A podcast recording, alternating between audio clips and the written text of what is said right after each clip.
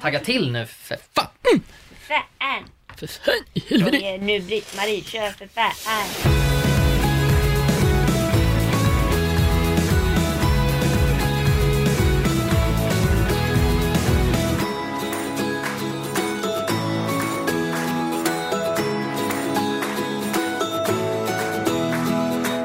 Oh my god. Oh my god.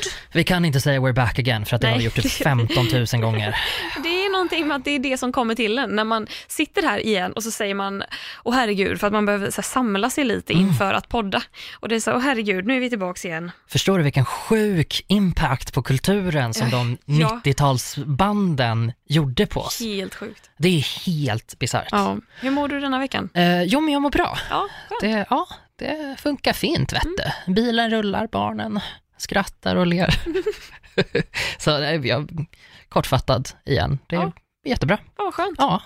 Hur mår du? Ja men jag mår bra, jag börjar Ja. bli stressad över att det nu är mitten på sommaren. Sämst. Vad är sämst? Nej men jag tycker det är fantastiskt också. Va? Men det är också så läskigt för att jag tänker ju fortfarande att det är juni. Nej, men jag tänker ju att det är typ maj och att sommaren inte har börjat. Ja, så sett tänker jag att vi är kvar i typ mars. Ja, Men, vilket är ja. helt sjukt för att tidigare så tänkte jag ju att åh, nu är snart sommaren slut. Ja. Det, tänk, det tänkte jag ju när sommaren började. Ja. Jag bara, snart är det november. Man bara, ja men nu är det ju snart november, kanske ska preppa lite för det mentalt. Istället för så här, ja men det är typ maj nu. Man bara, nej, Men samtidigt jävel. känner jag att jag karpar mer än vad jag har gjort på väldigt länge. Jag också. Jag har badat så ohyggligt mycket. Åh, fantastiskt. Gud vad fint där. Och Jag, det, det är väl någon form av sommarstämpel.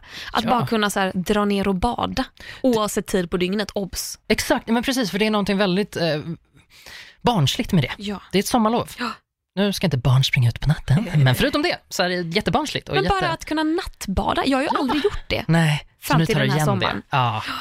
Du har, du har lite kvar att göra på den fronten. Ja då. gud, jag nattbadar. Men det är för att jag är så jävla ledig också. Jag, har, jag kan verkligen vara vaken sent och Ja. bara, nu ska jag gå ner och bada.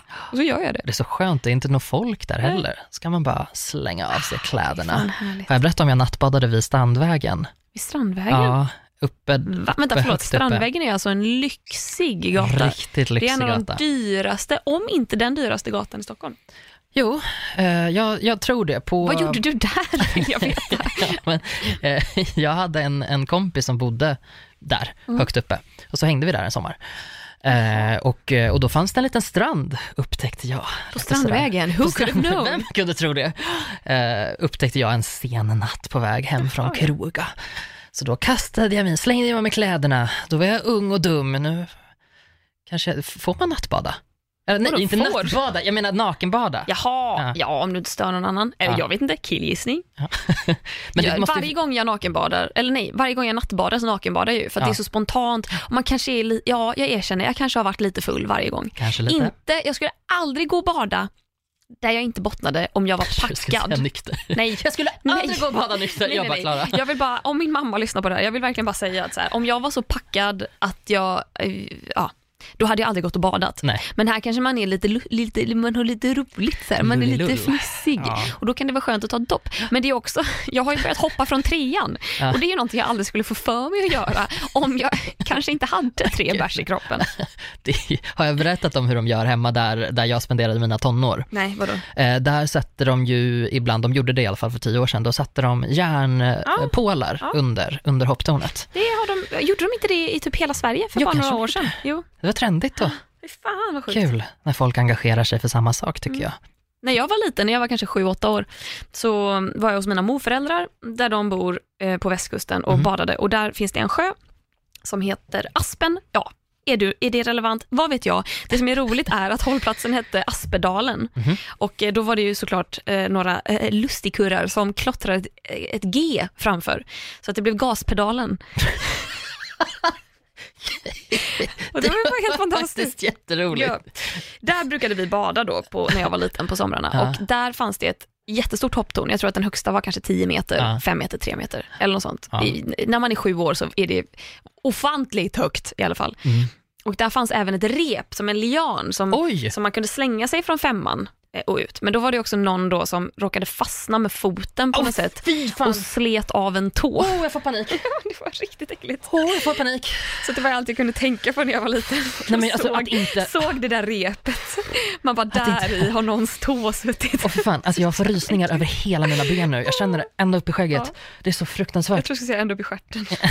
Jag känner det ända upp i stjärten, Klara. Då har, då har det gått långt. På tal om det, Ja. eh, vet du vad... Nej, men på tal om vissa stjärtar. Eh, vet du vad det är för, för dag idag? Alla stjärtans dag. Nej, men det visste hade det passande. Ja, otroligt. Nej, idag är orgasmens dag. Nej. Jo, då vill jag lova. Oh, Mm. interesting. Och Vad det- ska jag göra sen? Jag vet inte. Ja men precis, kanske ett tillfälle, nej nu höll jag på att säga något jätteopassande. Mhm. Folk får göra precis vad de vill på orgasmens dag, fira den hur som. Det är så härligt, förra veckan, vet du vad det var för dag då? Eh, hela förra veckan eller en nej, av bara dagarna? en, förra veckan? en av Nej, dagarna, måndags tror jag att det var. Silikonbröstens dag. Nej, har de en dag? Ja, då, det har de. För det de har alltså inte. lika många dagar som jag har. Har du en egen dag? Ja, min födelsedag. Jaha, okej. Oh, jag trodde att du skulle säga så här, Tahult har gjort mig Clara till... Henry-dagen.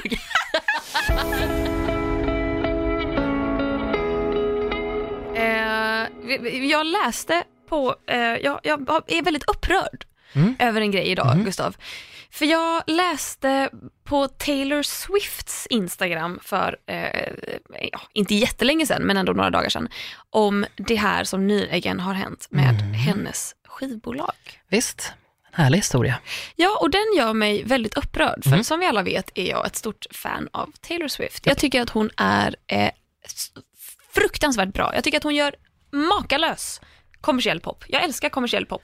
Jag älskar Taylor Swift. Jag tycker att hon har en bra röst. Jag tycker att hon skriver roliga låttexter. Jag f- känner ett sväng i mina ben när jag hör hennes musik. Jag, hon är den enda som jag skriver in i min kalender när hennes nästa singel och album kommer komma ut. För att jag får inte missa det. Att du har en enda som du gör som jag blir jag så lycklig av. En gång i tiden skrev jag upp eh, ett Whitney Houston-datum det skulle sändas på TV. Ah. Om 11 veckor hade jag räknat ut då beroende på när det hade sänts i USA och när de skulle komma till det avsnittet i Sverige. Så att, girl, I hear you, jag Mm. Japp. förstår det. Nej men det, det är ju faktiskt eh, helt sjukt. Mm. Taylor är en sån artist som har, det känns som att hon har varit med om så jävla mycket oförtjänt skit. Mm. För hon är ju, inte nog med att hon skriver typ all sin musik, Mm. eh, ja, inte själv, hon skriver ju ofta med andra men hon, står ju ba, hon ligger ju bakom sin egen musik. Precis som alla andra människor har skrivit musik väldigt länge. Det Ja. var länge sedan man slutade skriva en och en. Gud, Mm. ja, ja. Och att hon alltid är den som kommer liksom med typ första idén och att hon är så jävla musikaliskt begåvad och jag vet inte hur många instrument hon kan spela och att hon liksom hennes första album har ju, hon ju skrivit helt själv. Ja, Alltså 100% själv. Ja, verkligen, verkligen, verkligen. Och sen har hon varit med som låtskrivare på alla låtar hon Ja. någonsin har släppt. Nej men det drar ju mig osökt till Mariah Carey som Ja. har fått precis samma bemötande fast i 30 års tid. Skrivit varenda låt, varit med och producerat dem. Vad pratar folk om? Jo, eventuella pojkvänner. Hur mycket de väger. Vilka deras kompisar är. Så otroligt tråkigt. Taylor Swift fick liksom i alla år skit för att hon har en väldigt smal kropp. Mm. Att folk hånade henne för att hon inte hade några kurvor, att hon var en pinne, liksom, att hon var ful kvinna. och oattraktiv. Och att hon eh, då, ja, vet inte, har man väl, hon, jag vet inte om hon har bekräftat eller dementerat det här överhuvudtaget eller om hon bara har låtit det pass, låtit det slide. Men hon har ju, ja, man, det är ju ganska tydligt att hon har opererat sin kropp i alla fall. För att hon har eh, betydligt större bröst Ah, och okej. en större rumpa än Ja, vad hon har mm, haft tidigare. Och då, får, då är det klart, då får hon ju skit för det här också. Naturligtvis. Att hon är utseendefixerad, att hon eh, vill vara någon hon inte är, jada Mm. jada. Så man kan ju inte göra rätt. Men så det, välkommen till livet som kvinna i offentligheten, Yes. helt enkelt. Men hon är, är ju också utsatt för någon jävla mobbningsfason från typ Kanye West och Kim Kardashian. liksom deras historia går ju way back. Jätte, jättelänge och också som, det är en sån rövig historia när Kanye West då, den här jävla gubben, eh, går upp på scenen när Taylor win, vinner. Är det typ ett av hennes första pris? Det är liksom ett stort pris i alla fall. Det är MTV, Hon, va, hon vann bästa kvinnliga video. Okej. Så frågan är då, för Beyoncé har ju, vinner ju samma år bästa koreografi, Mm, okej. bästa redigering. Mm. Så att jag menar att hon, Beyoncé vinner ju redan väldigt mycket. Och Otroligt. Kanye West har mage när Taylor Swift vinner bästa kvinnliga video på eh, Video Music Awards. Att han går upp, tar mikrofonen Mm. och säger att hon inte är en värdig vinnare. I'ma let you finish, säger han. Det är han som bestämmer när hon pratar och inte. Eh, och sen så förklarar han att, ehm, typ, ah kul, kul att du håller på, men Beyoncé hade en av de bästa videorna i världshistorien, säger han då. Taylor står där och bara, Mm. vad ska jag göra Mm. nu? Eh, och världen brister ut i något slags, jag menar hon fick ju väldigt mycket hon fick ju ändå liksom en del sympati, Mm. men det var ju så otroligt många som drev med det här tillfället. Det var Ja, att folk valde sketch. sida på Ja. något sätt. Ja, det. Att det var plötsligt ett, en- en West versus Swift, att du kunde välja sida. Och det här eskalerar ju, det, här, det, det slutade ju inte här med en pissig engångsföreteelse utan sen så släpper Kanye en låt där han sjunger eh, I think me and Taylor might still have sex, I made that bitch famous. Och det här är många, många år efter den här Ja. incidenten, så att nu snart, vad, vad snackar vi, 2017 kanske? Någonstans där? Ja, Ja. någonting sånt. Var på Taylor i ett annat pris hon vinner, och det har jag glömt vilket det är, går upp på scen och säger till sina fans bara, jag har kämpat för det jag har gjort. Ingen annan än mig själv har gjort mig känd. Mm. Så jag har vunnit mina priser för att jag har förtjänat dem, så låt aldrig någon annan sätta sig över er. Vilket Nej. så jävla bara så här, hon, hon nämner inga namn, hon har liksom värdigheten att veta sin historia och bara säga att så här, jag tackar mig själv Mhm. för att jag har kommit långt. Yes. Och det här är ju ett, ett svar på hans låt såklart. Yes. Vilket det. man vet om man vet. Japp. Vilket man vet. Men att då släpper Kim Kardashian något, liksom, så, för, för, det här är för övrigt liksom olagligt i USA att eh, typ banda någon utan den personens vetskap. Yes. Där Kanye har ringt Taylor och frågat henne, är det okej om jag sjunger I think me and Taylor might still have sex? Och Taylor är lite, så här, lite paff i telefon, bara ja, ja, ja visst, typ, det är, för mig är det okej. Men hon säger ingenting om att han ska sjunga I made that bitch famous. För det första är det en väldigt kränkande mening bara att han gjorde That henne känd genom att gå upp på scenen Yes. och ta micken ifrån henne. Men också att han kallar henne bitch. Mm, absolut. Alltså, ja, och att sen att Kanye även släppte en video där eh, Taylor med flera ligger nakna i en säng och det är ju datanimerat såklart men det är också ett jävla övertramp. Precis, och det var väl också detaljer som man kanske inte gick igenom i det här telefonsamtalet. Ehm, utan eh, det dumma blev ju att Taylor sa ju först att det har inte hänt. Mm. Det, vi har inte pratat i telefon. Mm. Och sen så släppte de tejpet. Mm. Och då briserade det ju. Och då tänker jag också så här, ja men vad hade, alltså, vad hade man gjort? Eller det är väl inte så att man går omkring och förväntar sig att någon ska spela in ett telefonsamtal som man blir helt paff av. Man får också inte glömma att det här är personer som har legal teams, vad fan heter det på svenska? De har liksom lagskydd, de har ju advokater som Juridik. jobbar juridik. Avdelning. Exakt, i sina hus typ, där det sitter folk 24-7 och bara ser till att copyright, copyright, copyright, fixa den där, las ut en paparazzi som har blivit slagen. Alltså, det är ju konsekvent. Eh, så jag menar, naturligtvis fick hon ju rådet av någon att säga så. Mm. Att säga, nej jag har inte sagt det. Mm, verkligen. Det är inte så konstigt.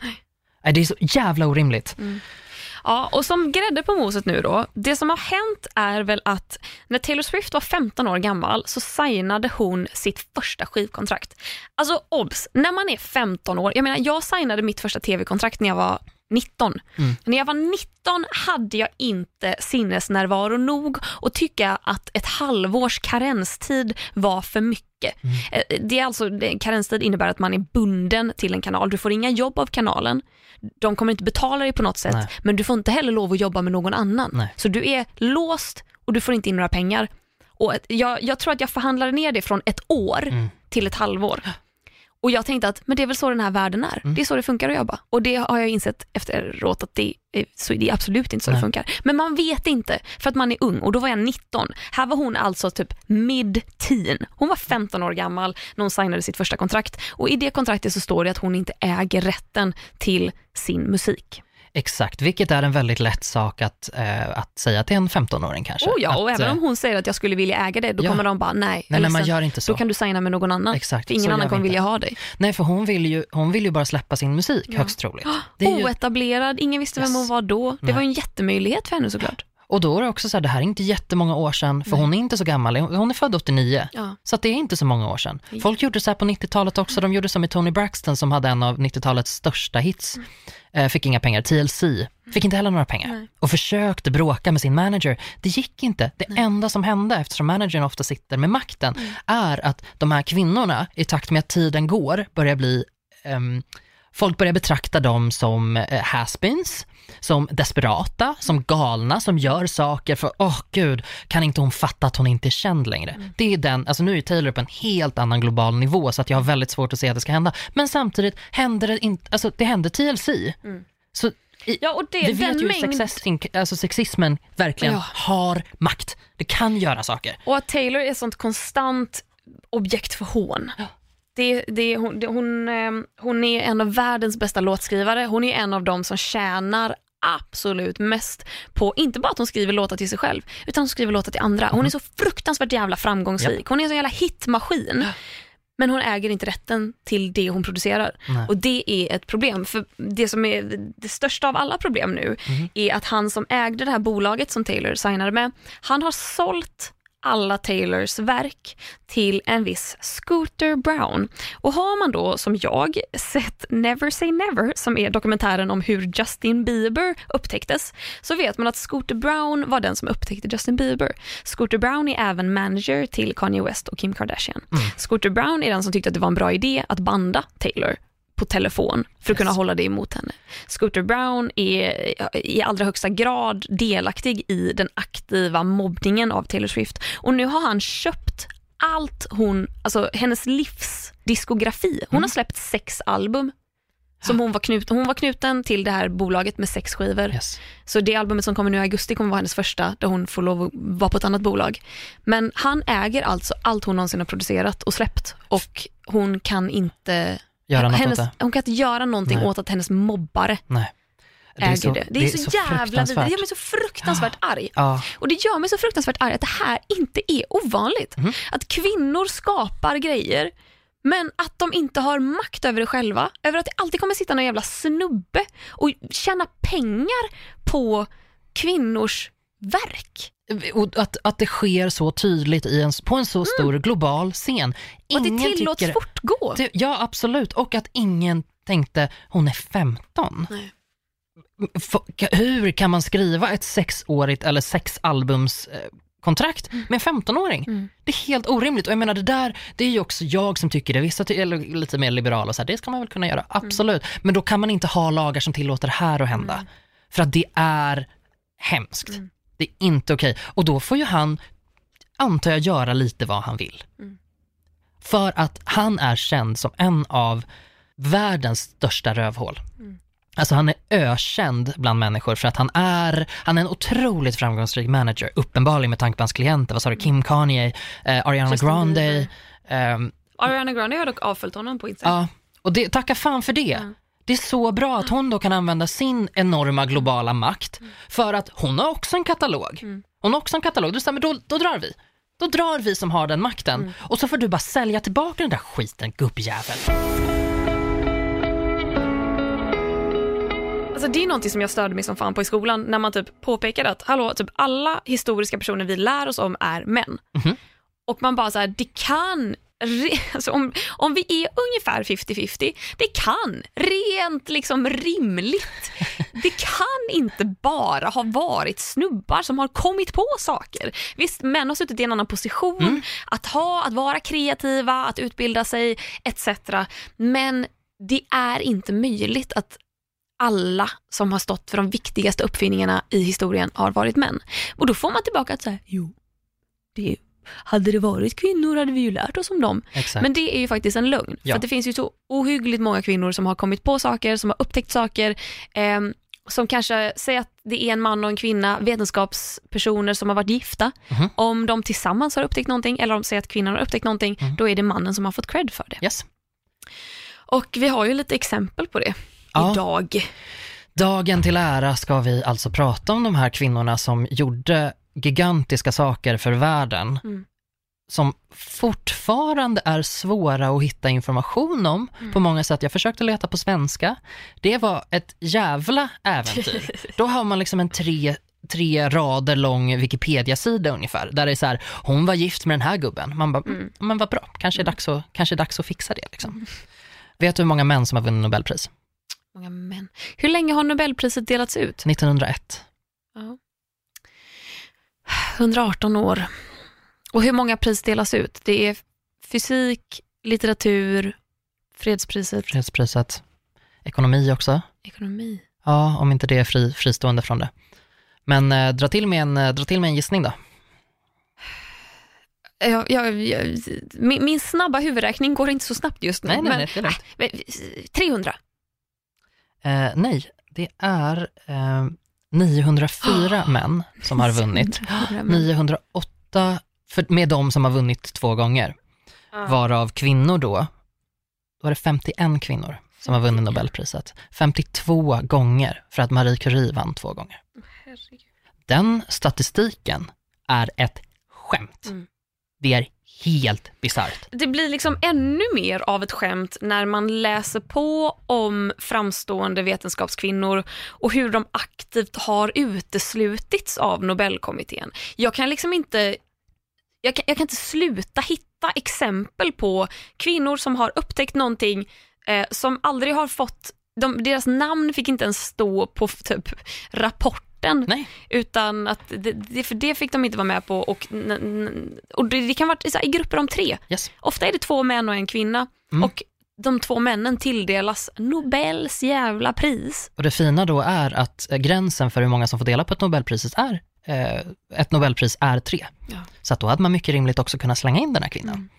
Istället för att typ ta en annan man om man vill ha tre. Vilket också så här, det här är statistik som ligger uppe på Nobel, liksom Nobelorganisationens hemsida. Jag bara, what the fuck? Mm. Hur kan inte ni göra någonting mer för att ändra det här? Mm. För att det var länge sedan ändå, det är många år sedan som vi började sniffa att någonting stämmer inte med representationen av kvinnor i vetenskaper. Det, det, det går inte ihop, det är helt omöjligt. Och några av de här historierna som vi har grävt fram är, eh, de är så vidriga. Vidriga, vidriga, vidriga. Ska vi börja med att snacka lite om Rosalind Franklin? Yes. För att hon är jävligt häftig. Ja. N- 1951 så var hon med och upptäckte någonting som heter dubbelhelix. Ja. Det här är ju en värld som vi är otroligt obevandrade i. Vetenskapens värld. Det här, är- vi befinner oss nu i kemins värld för att vara exakt. Mm. Det är där hon alltså hittar den här dubbelhelixen eh, som är eh, ett gigantiskt bidrag till eh, hur man räknar ut hur DNA-molekyler är uppbyggda. Det är en big deal. Det finns alltså en, enligt det här som jag läser rakt av från, det finns två typer av DNA. Det finns en, en torr A-form och så finns det en blöt B-form. Och det här upptäckte hon tillsammans med hennes student, för hon var en, eh, var en research associate. Någon som hon, eh, som hon forskar med. Okay, ja. Då är de nog på samma nivå.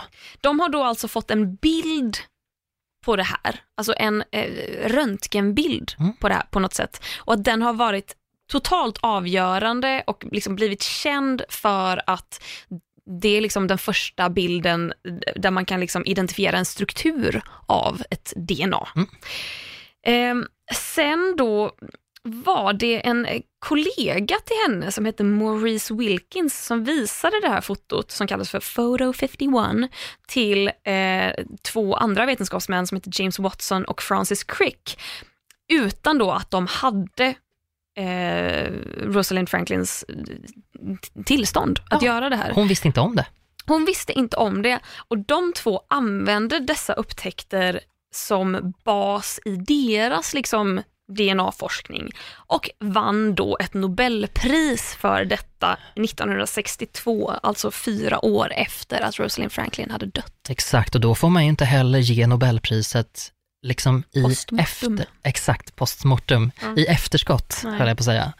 Eh, utan hon, eh, hon, blev, eh, hon blev utan. Mm. Hon är fortfarande utan. Hon, hon vände ju sig i sin grav. Ja, Det hade jag gjort. ja, det hade jag också gjort, när man vet att det är en sån upptäckt som har förändrat mänskligheten på Mm, många sätt. mm. Det har förändrat hur vi kan vårda våra sjuka, eh, vilket är enormt. Mm. enormt. Och att de tog det här då utan tillåtelse. Jag läste lite, det var lite motstridiga uppgifter om det här, hur det gick till. Så vissa källor sa att, ja men det här var, att de bara liksom tog det från henne på något sätt.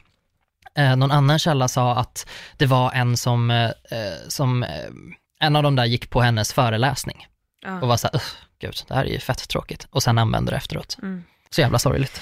Nå- någon som jag fascineras väldigt mycket av är eh, på 30-talet så upptäckte en kvinna som heter Lise Meitner, eh, fisch, heter det fisch, fission? Yes, fission. Fission. Det, det är motsatsen till fusion, som är Exakt. att man sätter ihop två saker. Fission är alltså att man delar. Det är kärnfysik, det är Mm. liksom kärnkraft. Hur- Kärnklyvning. Exakt, den det. lilla energin som uppstår när man klyver atomer. Mm. Och ehm, det här var då, eh, var kom hon ifrån? Nu måste jag läsa till här. Hon var från Österrike. Just det, Yes. Men eh, tyvärr så var hon av judiskt ursprung ja. och var tvungen att fly från landet. Och inom parentes, kvinna. Mhm. Eh, och det här var ju då skäl nog att eh, utesluta henne ur gruppen som vann ett Nobelpris för hennes upptäckt. Hon upptäckte ju fissionen. Det, är ju liksom, det var det. Jag försökte så här bara, men kan vi få lite mer detaljerat? Vad har hon? Nej, alltså det är det. Hon Nej. ligger bakom kärnkraften. Ja, exakt. Alltså hon hon, eh, hon eh, jobbade med eh, fysik då och gjorde research på uranium. Eh, och då hade hon en labbpartner då, Otto Hahn. Ja. Det här var på tidigt 40-tal, så att Han var Eh, kemist. exakt. Ja. Eh, och sen så, när hon var tvungen att fly, så sket sig allting för att då flyttade hon till Sverige. Eh, medan, eh, medan han då fick Nobelpriset. Eh, Han var ju också väldigt lojal till eh, nazisterna. Vilket också är Fräscht! jättehärligt, jättefräscht. Ja. En härlig liten detalj bara att slänga in sådär. Så Och han, han fick... gav inte heller henne Nej, nej, nej, det är det sjuka. här, för att han har vägrat Ja. att ge henne cred för det här, trots att det finns brev mellan dem som visar att de tillsammans upptäckte det här. Hon var känd som atombombens moder. Mm. En sak som hon enligt källor avskydde, Mm. för hon vägrade jobba med atombomben. Mm. Det var, de upptäckte att det kunde användas som ett vapen och bjöd in henne och sa att kan inte du komma hit Mm. och jobba med oss? Och hon sa jag tänker inte jobba med någon bomb. Så det är ändå, ja, she did something great, men eh, snubbarna tog det till någonting eh, riktigt vidrigt. Mm. För det är ju det värsta vapnet som vi har nästan. Och eh, Berkeley Nuclear Research Center, de, eh, har, de kallar den här historien om eh, liksom hennes öde One of the most glaring examples of women's scientific achievement overlooked by the Nobel Committee. Det är så burn. Ja, det är så jävla burn. Det är så burn. Vad är det med den här jävla Nobelkommittén? Jag blir, alltså Nobel har ju alltid varit något man varit lite stolt Ja. över som svensk. Att säga, Mm. wow, vilket jävla, vilket coolt pris vi delar ut. Men hallå, sluta hata kvinnor.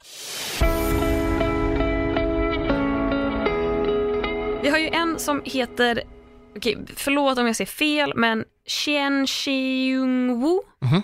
Kan det uttalas så kanske? Yes. Hon jobbade ju också med atombomber och hon tillsammans med två män som hette Dr. Zheng Dao Li och Dr. Chen Ningyang. Ehm, tre doktorer alltså som ehm, Ja, det här är alltså ord på engelska som jag inte vet hur man översätter för jag har för lite kunskap om vad de faktiskt betyder. Men she overthrew a law of symmetry in physics called the principle of conservation of parity. Och Wu, vilket då är kvinnan vi pratar om, observed that there is a preferred direction of emission which disproved what was then a widely accepted law of nature. Alltså hon har alltså motbevisat något som man i alla år har trott har varit en naturlag. Hon bara, Naturlag som, nej. ja, naturlag som typ gravitationen. Exakt. Det är en naturlag. Du kan, alltså, du, ja, du kan motverka den, men naturen, it, it will, it, Det it kommer slå will dig i ta ansiktet. dig. Ja, ja, nej men verkligen. Så det var en sån typ av, av um, naturlag som hon totalt rev upp och Ja. sa, det är tvärtom. Och eh, 57 fick de här två männen eh, Nobelpriset för deras liksom, genomslag och deras fantastiska upp, upptäckt. Eh, men Wu var helt enkelt utesluten Mm. ur den gruppen, Ja. trots att hon var med och spelade en stor roll i den upptäckten. Mm. Alltså, vad i helvete. Nej men det är så jävla bisarrt. Sen har vi en annan som heter Nettie M. Stevens, Mm. som i korta drag upptäckte att i, manliga könsceller så finns det eh, en X-kromosom och en Y-kromosom. Ah, Wow. Medan i kvinnliga könsceller så är det XX. Ja, Och att hon då upptäckte att det är det som avgör könet på barnet Mhm. vid en graviditet. Mm. Sen fanns det en annan man, han hette Edmund Beecher Wilson. Mhm. Och han kom eh, sj- självständigt visserligen fram till samma slutsats eh, i samma tidsperiod som hon gjorde det, men de var ju två självständiga forskare. Eh, det som hände dock var att han skickade in den här upptäckten till The Journal of Experimental Zoology. experimentell zoologi. Exakt, Japp. uttalar man det så? Ja. Ja. Eh, han skickade in det här tio dagar innan hon skickade in sitt. Mm. Och han, han skrev då med en, en liten fotnot i sin rapport om att han var medveten om att Nettie M. Stevens hade upptäckt detta. Mhm. Så han hade ju uppenbarligen läst om hennes upptäckter någonstans och Mm. eh, att de bekräftade hans. Mm. De, de var ju självständiga båda två, men grejen är att han har ju fått extremt mycket recognition för Mm. det här och hon hade inte så mycket recognition innan och eftersom hon dog 1912 och det här went down i eh, ja, tidigt 1900-tal Mm. så fick hon inte heller någon recognition efteråt. Nej, Och det är ju ganska sorgligt. det är fruktansvärt sorgligt. Det är så mycket arbete som man har lagt ner på det här. Ja. Det är verkligen helt, helt jävla bisarrt. Och det är sånt som vi tar för givet idag också. Vi vet Absolut. att i könsceller så Mm. finns det antingen XY-kromosomer eller XX. Vi det är vet det. beroende på vilket liksom, biologiskt kön man har. Det är vetenskap Ja. för oss idag. Det är någonting som man bara vet. Ja. Det är helt sjukt att komma på den grejen och inte få någon cred för det. Ja. Eh, Det finns ju flera grejer som är superuppenbara som har också uppfunnits av en kvinna, Mm. bland annat vindrutetorkaren. Mhm. Som uppfanns av Mary Anderson som kom på den här idén när hon eh, åkte bil i snön och bara, det vore väl en bra grej liksom. Det tänker man ju, vindrutetorkaren vill man ju ska ha funnits så länge bilen har funnits. Ja, men precis. Men det här, eh, det, det kopplar faktiskt lite till, till när bilproduktionen tog igång ordentligt. För det här var tidigt 1900-tal Mm. som försökte sälja den här uppfinningen. När hon hade fått patentet eh, 1903, Mm. alla bangade. Sen kommer 50 och 60-talet när bilindustrin bara “tjena, tjena, nu kör vi!” eh, Och då plockar alltså eh, företag upp idén. Patentet har ju också gått ut. Så att, mm, så de, de kunde inte göra något åt det. Så istället är det då en uppfinnare som heter Robert Kearns som fick cred för den här idén. Så att man har liksom inte ens post, posthumously sagt att det var hon ändå. Vilket är så himla sjukt. Och det är samma sak med, eh, med papperspåsar med eh, fyrkantig botten. Som det var en, platt botten. en pla- exakt, precis. Den är platt botten och den, en vanlig jävla kopkasse som alla, alla pappåsar ser ut på det här sättet och gör de inte det, då är de dumma i huvudet. Nej, men då är det typ en liten presentgrej liksom, som man bara viker ihop. Eh, hon jobbade i en fabrik som, som tillverkade sådana papperspåsar eh, och hon upptäckte till slut att det var enklare att packa i eh, påsar som hade den här typen av botten. Eh, så hon fixade, hon eh, gjorde en eh, modell av en maskin så att den skulle liksom kunna massproducera det här. Och enligt då National Women's History Museum i USA tog hon den här trämodellen av maskinen till Boston. Hon skulle gjuta den i järn, för att så brukar man göra, inte nu för tiden, man gjuter inte i järn så, men man kan gjuta i metall för att det här är en modell av någonting som ska bli en maskin. maskin. Ehm, och när hon kom fram och skulle söka då patentet så, så hade en snubbe tagit det från henne. Så han hade kommit före. Och, Hur hade eh, han fått tag på det då? Eh, han hade, det är lite oklart exakt hur han gjorde. Jag tror att han var, jag tror att han var på själva fabriken som tillverkade det, så att någonstans i processen kom han in och såg det här och det var då han rippade den grejen rakt av. Jag har läst att hon tog med den här maskinen till en, en affär i närheten för att liksom så här se, utveckla den, liksom se den i arbete, vad kan hon förbättra och så. Och då var det en man som eh, heter Charles Ainen då, som eh, kom förbi den här affären för att kolla in maskinen. Och när hon då eh, lite senare skulle söka patent för att hon hade utvecklat den här, då blev hon, hennes eh, ansökan avslagen för att de hade redan gett patent till Ainen. till den här jävla snubben då. Ja. Eh, men till skillnad från många andra historier så hade fortfarande Knight då möjligheten att dra det här fallet inför rätta, vilket hon gjorde. Eh, där den här gubbens försvar var att ingen kvinna kan uppfinna en så innovativ maskin. Knight vann fallet och fick patentet till slut. Boom. Boom. Fan vad gött. Det är lite upplyftande ändå. Ja, det är lite upplyftande, men vi, vi ska ner i skiten igen alltså. För här kommer min favorituppfinning som någon bara har blatantly tagit rakt av. Ehm, och det här gäller alltså Monopol. Brädspelet Monopol Ja, ja. uppfanns av en kvinna 1902 har jag hittat siffror på. Ja. Spännande instickare. Siffror, det är inte en konsekvent detalj. Det är olika nästan överallt. Det var Ja, vilket år det 1937, det var 1938. Mm. Så att, 1903 jag, står det här i, i sidan jag är inne på. ja, men det var, det var då hon sökte patentet. Så att eh, hon skapade den 1902. Okej, jag förstår. Eh, hon skapade den, när hon gjorde det så hette det The Landlord's Game, som är hyresvärdens spel. Att det var ju en liten peak Exakt. till eh, de stora, kan, kan man kalla det för monopo, monopolitärerna? Nej, förmodligen inte. Men de som satt på extremt mycket pengar, de som hade monopol, som hade monopol. över marknaden helt enkelt. Precis. Så det var så hon tänkte då, att det här är en liten, liten knäpp, knäpp på näsan åt dem, era dumma jävlar. En protest och ja men precis, en protest. Eh, och så började den spridas, men den spreds inte så långt, utan det var ganska små kretsar. Det var liksom ganska nischat vilka människor som, eh, som började spela det här. Mm. Hon tjänade ju ungefär, alltså i, tuff, i rough slängar, eh, 500 dollar på det här spelet. Mm. Ja men det, det är härligt. Eh, det kommer en till siffra där eh, om en stund. Den kommer vi njuta av. Eh, för när det började ta fart, då, eh, då kom en gubbe och tog copyright på en egen version som han då kallade, kallade Monopoly, Monopol. Eh, Det var en lite förfinad version så att den var lite enklare att spela, lite mer kommersiell kan man väl säga.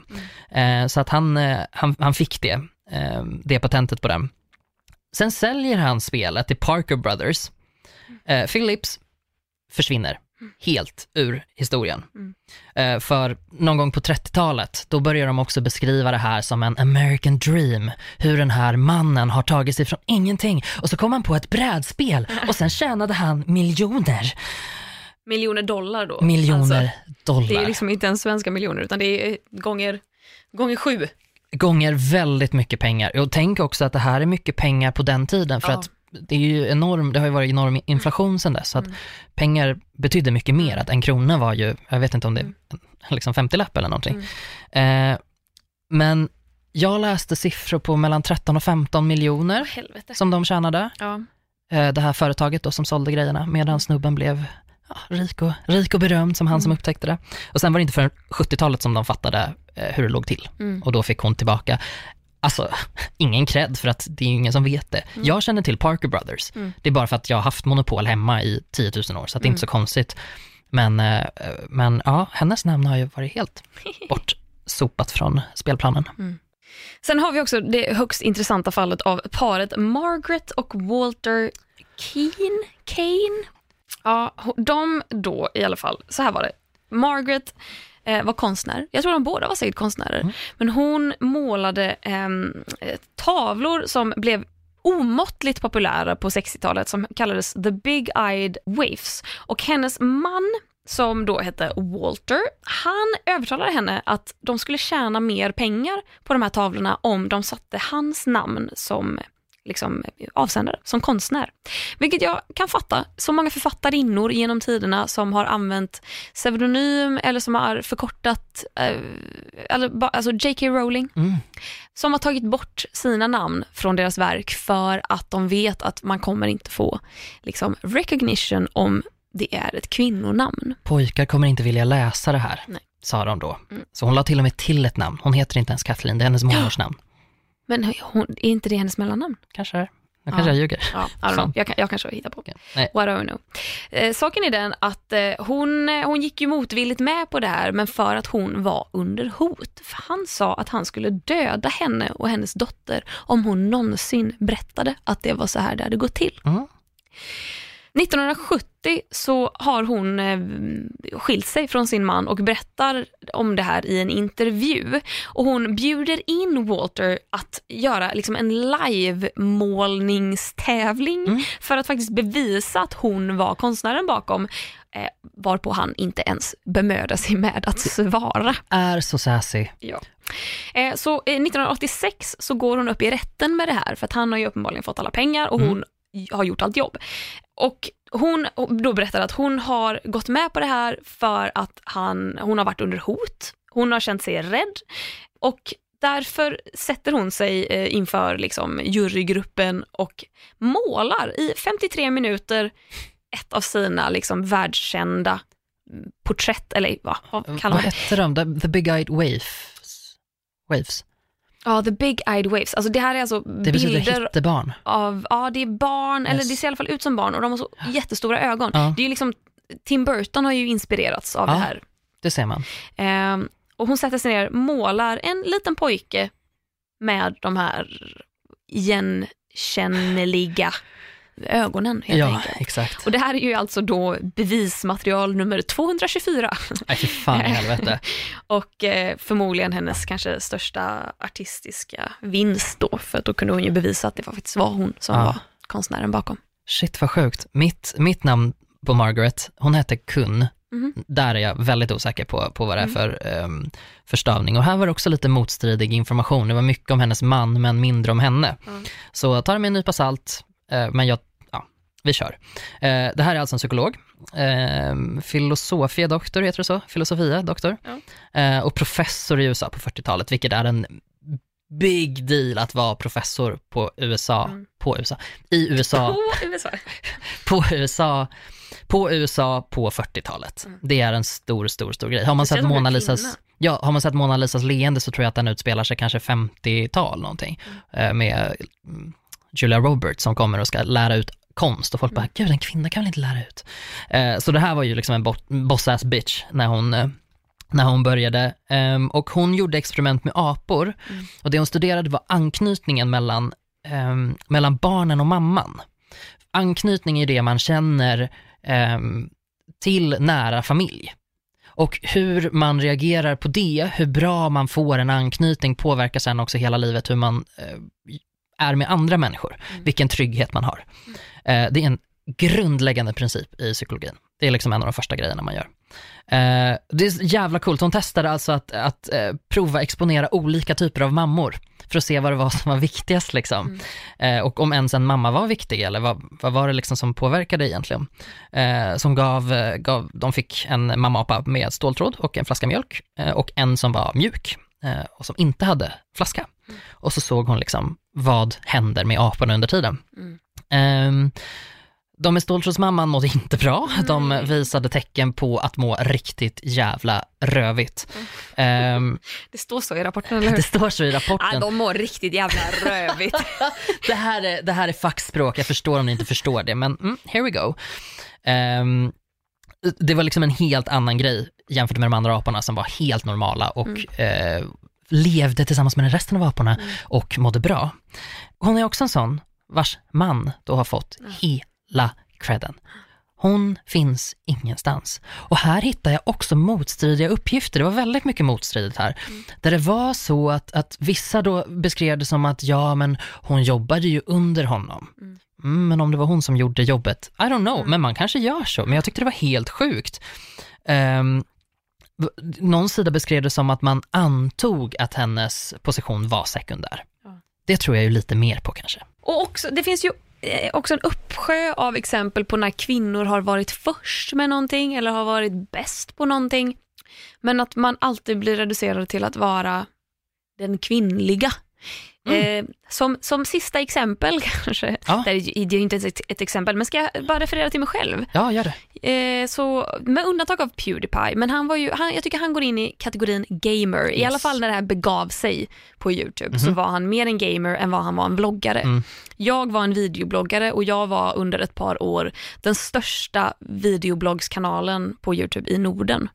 Eh, jag, och det här var också så här, när man skulle vara med i typ intervjuer eller på tv, Nyhetsmorgon, Malou efter tio, då fick man alltid så här, fråga, man fick alltid definiera innan i någon förintervju eller under intervjun, liksom att så här, men hur, hur stor kanal har du egentligen? Hur många följare har du? Och man bara, men jag har så och så många följare, men jag är, jag har den största vloggkanalen i Norden, jag är den största vloggaren i Norden. Yes. Men sen när man blir presenterad, lik förbannat så säger de alltid, här har vi alltså Clara Henry som är den största kvinnliga videobloggaren i Norden. Och man bara, jajamän, det stämmer bra, men jag är även störst av alla. Så det kan ni gott säga, tack för mig. Typ. Och att man alltid blir, ehm, man representerar sitt kvinnliga skrå på något sätt. Mm. Men man kan aldrig representera människan. Nej, Och att man, det är så förbannat jävla uttröttande. man kan inte representera antingen då vetenskap eller bara vad man har åstadkommit. Mm. Det, det, det finns liksom inte. Nej. Det är bara för att slänga in en grej som jag tänker att du Ja. kanske kommer gilla. Ehm, vet du vem Trottula av... Trottula av... Nej, Trottula av Salermo. Eh, hon har jättemånga olika namn.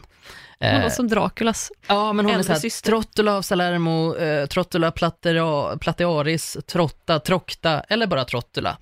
Ehm, det här är hon som är känd som världens första gynekolog.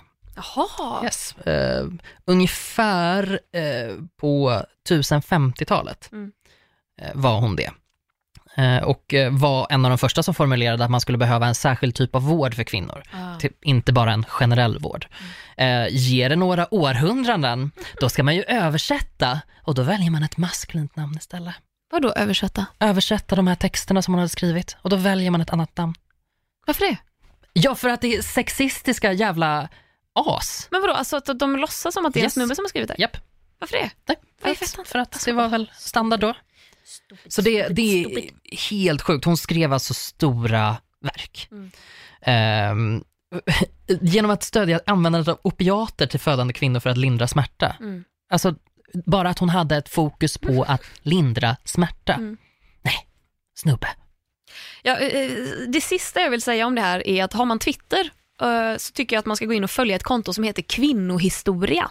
För de lägger varje dag, alla dagar om året tror jag i alla fall, ut eh, tweets om vad som har hänt just det här datumet för si och så många år sedan. Och jag har lärt mig skitmycket och jag blir inspirerad och där får man ju läsa om kvinnor som inte har fått cred för sina uppfinningar. Man får läsa om kvinnor som var först med saker, men man får också läsa om liksom det här fantastiska i att det här datumet, det här året så blev den första kvinnan antagen till det här, eller här så flög den första kvinnan över Atlanten. Och det är så jävla inspirerande och det är fan våran jävla plikt att lära oss mer om vad kvinnor har åstadkommit genom tiderna för att de får inte plats i historieböckerna just av den enkla anledningen att de har varit kvinnor. Och man måste förstå var man kommer ifrån för att förstå var man är på väg. Visst. Så folk som tycker att, men gud, ni har det väl så himla bra. Nej, vet du vad? Det kommer nog ta ett ganska bra tag innan det blir bra. Det kommer säkert ta hundratals år kanske. För det är ju på precis samma sätt som det här giftet har spridit sig i vår civilisation nu. Det här är inte någonting nytt. Eh, Och det är verkligen inte någonting som bara har hänt, utan det är ju folk som faktiskt har, alltså suffragetterna som har Mm. faktiskt gjort någonting åt det. Mm. Det är väldigt, väldigt viktigt, för jag vet också, det är så otroligt lätt att missa den historien. Mm. Jag tror att de finns på Instagram också. Ja, det kanske finns. Ja, jag tror det. Alltså Gustav, mitt moment of the week den här veckan. Det är nästan så jag skäms lite. Men jag har varit så svag för att jag i helgen blev så ofattbart full. Vad är det jag hör? Jag vet inte riktigt och jag, jag, jag vill ändå hävda att jag är en person som inte blir full. Jag kan bli lite rund under fötterna, jag kan bli lite rolig, jag kan bli lite mer extrovert kanske. Mm. Men full, nej det blir jag inte. Med undantag av i lördags. Ja, men det, alltså, för att beskriva dig från en annans perspektiv, det är verkligen sant. Klara är inte en sån människa som typ tror att hon är lugn och i själva verket dansar hon på, på högtalarna och Nej, typ nej, kräks nej. på baren och bara, ja men jag kräktes inte lika mycket som Jag förra har veckan. aldrig kräkts på fyllan Gustav. Nej, just har det. aldrig hänt. Förutom den gången jag blev drogad, men då var det inte med flit. Den lilla gången, just Den lilla detaljen. Och det kan väl vara rimligt då? Ja. Mm. Och det är, inget, alltså jag, är inte, ingen shade mot folk som har kräkts på fyllan, för jag tänker att man lär sig nog saker av det också. Girl. Men jag har sån jävla självbehärskning. Jag vet precis när jag har druckit tillräckligt. Mm. Men i lördags så kom vi till en, en klubb. Var, vi var tre stycken i sällskapet. Vi mötte några där som vi kände och var bekanta med och vi märkte att så här, vi skulle behöva komma igång lite.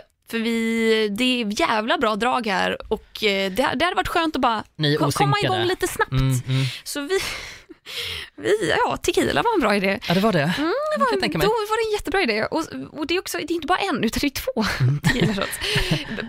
Plus då att en bekant till mig kommer och bara “Klara, här är ett glas vin till dig” och jag bara “Va? Tack!” Ska och jag? någon annan bara “Klara, får jag bjuda på en drink?” och jag bara “Ja men självklart”.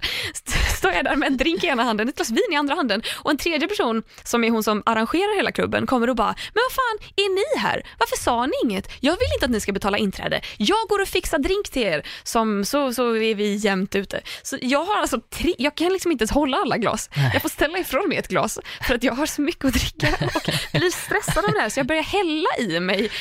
Och här någonstans så blir jag väldigt full. Och jag märker att jag är väldigt full för att jag sluddrar. För att Fille kommer och frågar Klara, hur mår du? Och jag säger, jag mår bra, men jag tror jag är lite full. Alltså, Eh, jag, kom, jag vet inte vad klockan var när jag kom i säng. nej. Sex på morgonen. Åh jävlar, du fortsatte också. Ja, vi gick ju och badade såklart. Obs, jag var inte i vattnet när jag var eh, jättefull. Jag tittade på. Ja. Ehm, men jag kom i säng extremt sent och jag har varit så bakis. Alltså obs, det här är flera dagar sedan. Det här var i lördags. Jag är fortfarande bakis. ja, det är helt sjukt. Är det här the curse of getting old? Det kan vara, det kan vara det. Men jag tänker också att någon gång, undantaget bekräftar regeln. Ja. Tycker du att sånt, är det jobbigt att erkänna det för mig att du har gjort en sån sak? Jag tycker det är jobbigt att erkänna generellt Okej. att jag har gjort en sån Jag sak. trodde jag att det handlade om mig, men det gjorde det ju verkligen inte. Här trodde jag att det hade betydelse.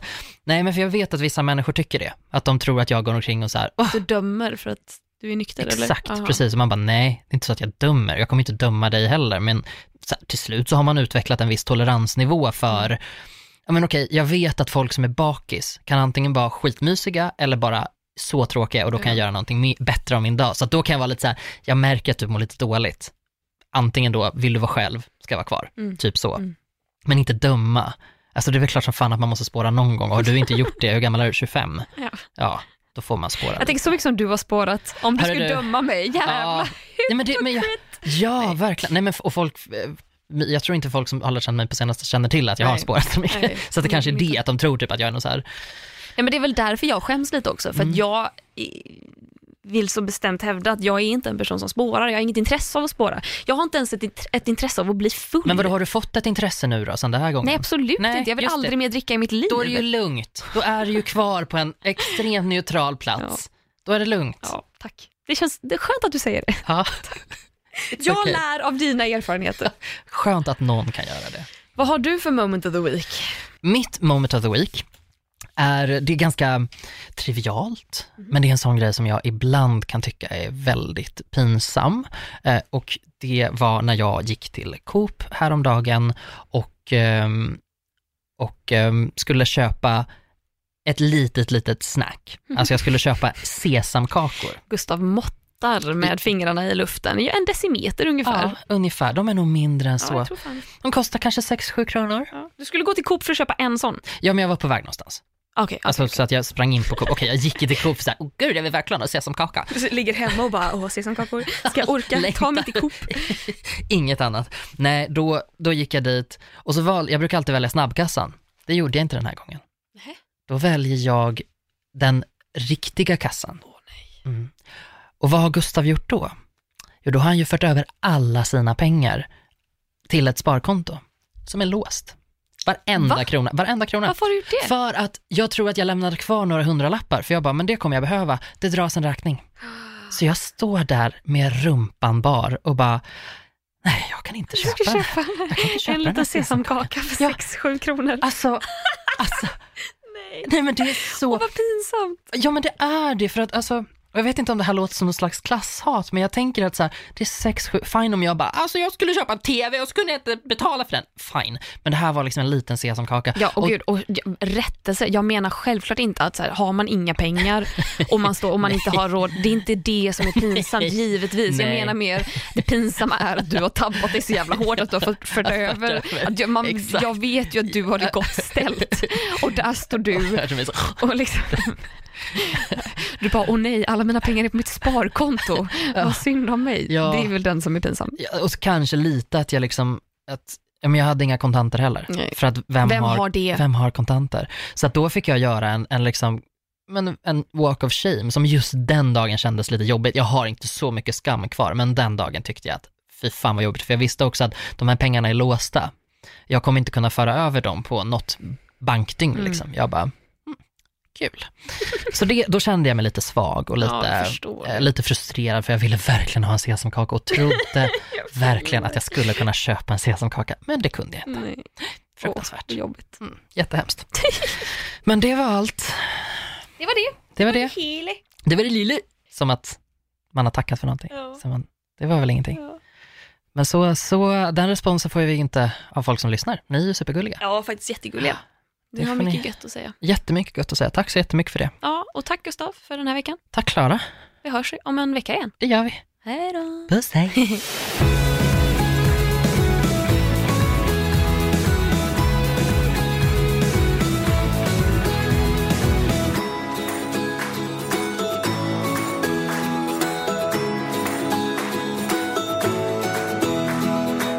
produceras av I Like Radio. I Like Radio.